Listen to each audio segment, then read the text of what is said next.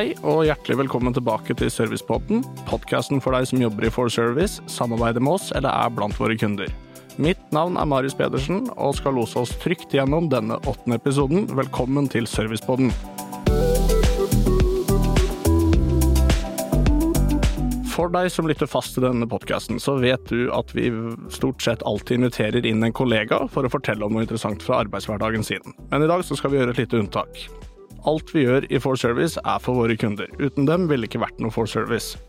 Så her i studio sitter jeg nå med en representant for en av våre kjære kunder. Jeg gleder meg til å høre mer om hva hun legger vekt på i et godt samarbeid, hvordan høy grad av service er avgjørende for våre leveranser, og kanskje litt om hvordan hun opplever markedet nå i 2022. Vi starter med vår første faste spalte, Fire kjappe. Navn. Tina Finstad. Stilling. Jeg er prosjektleder i Musta Eiendom. Og hvor lenge har du vært der? Jeg startet der i eh, mars i år, altså 2022. Og hva er det beste med jobbene?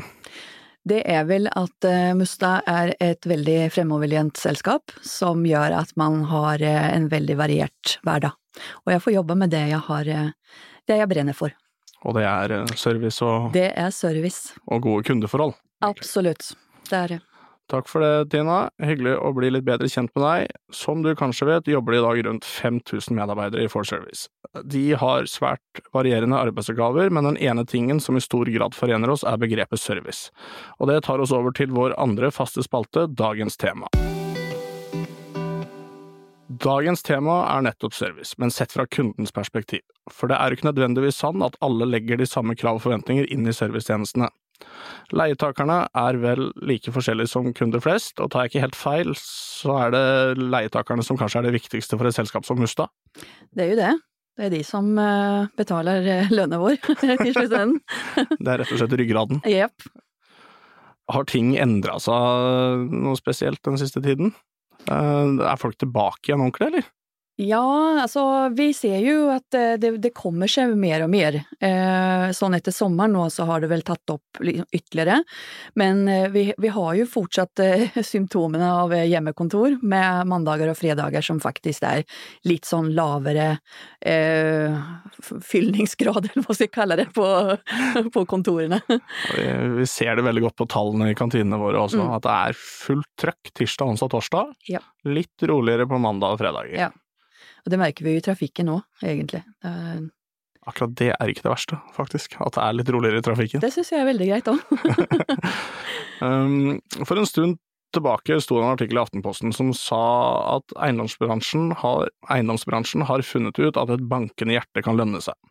Det er mulig jeg er litt partisk, men servicetjenestene er vel en sentral del av dette bankende hjertet. Så la meg først spørre, hva betyr service for deg personlig, Tina? Altså, service for meg er egentlig så enkelt som å se og bli sett. Altså, det er det her at du, du yter den her lille ekstra delen for å gjøre den andre parten glad. Enkelt og greit. Mm. Altså, vi har jo alle behov for å, for å få en bekreftelse, og det kan også ha å gjøre med at man liksom yter service, så får du gjerne noe tilbake også. Og oftest veldig glade folk, og det gjør jo noen ting med en selv også. Så det er en, en, en sirkel som egentlig går, går, hånd i hånd, kan vi si, rundt i, i, dette med å yte service. For du får faktisk veldig mye tilbake også, samtidig som du gir mye.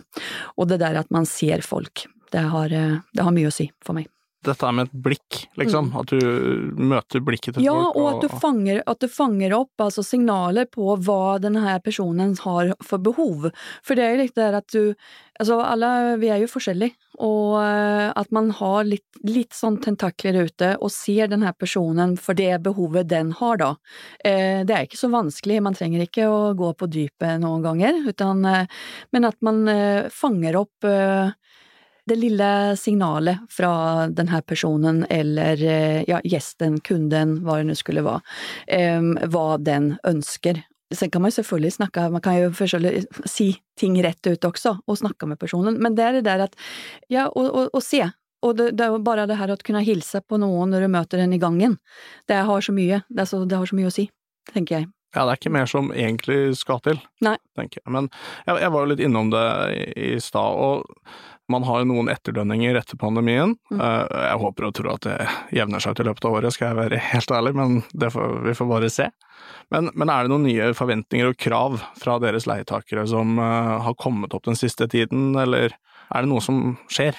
Alltså det store hele så ser man jo den här flexibiliteten, det kravet, alltså som, som egentlig kanskje har legat där en god stund, altså, som har vært en, eh, har vokst mer og mer og definitivt har kommet frem da til, eh, altså etter pandemien. Det, det igjen det her med hjemmekontor og ha den fleksibiliteten, de, de fleksible løsningene i et kontorareal. Eh, men også, altså, hvis vi går tilbake på service, da, at man forventer å kunne få en tilpasset løsning til ditt eget ønske eller det selskapet ønsker. Da. Så at man har, man det her med disse eh, pakkeløsningene er ikke nødvendigvis noe som fungerer lenger.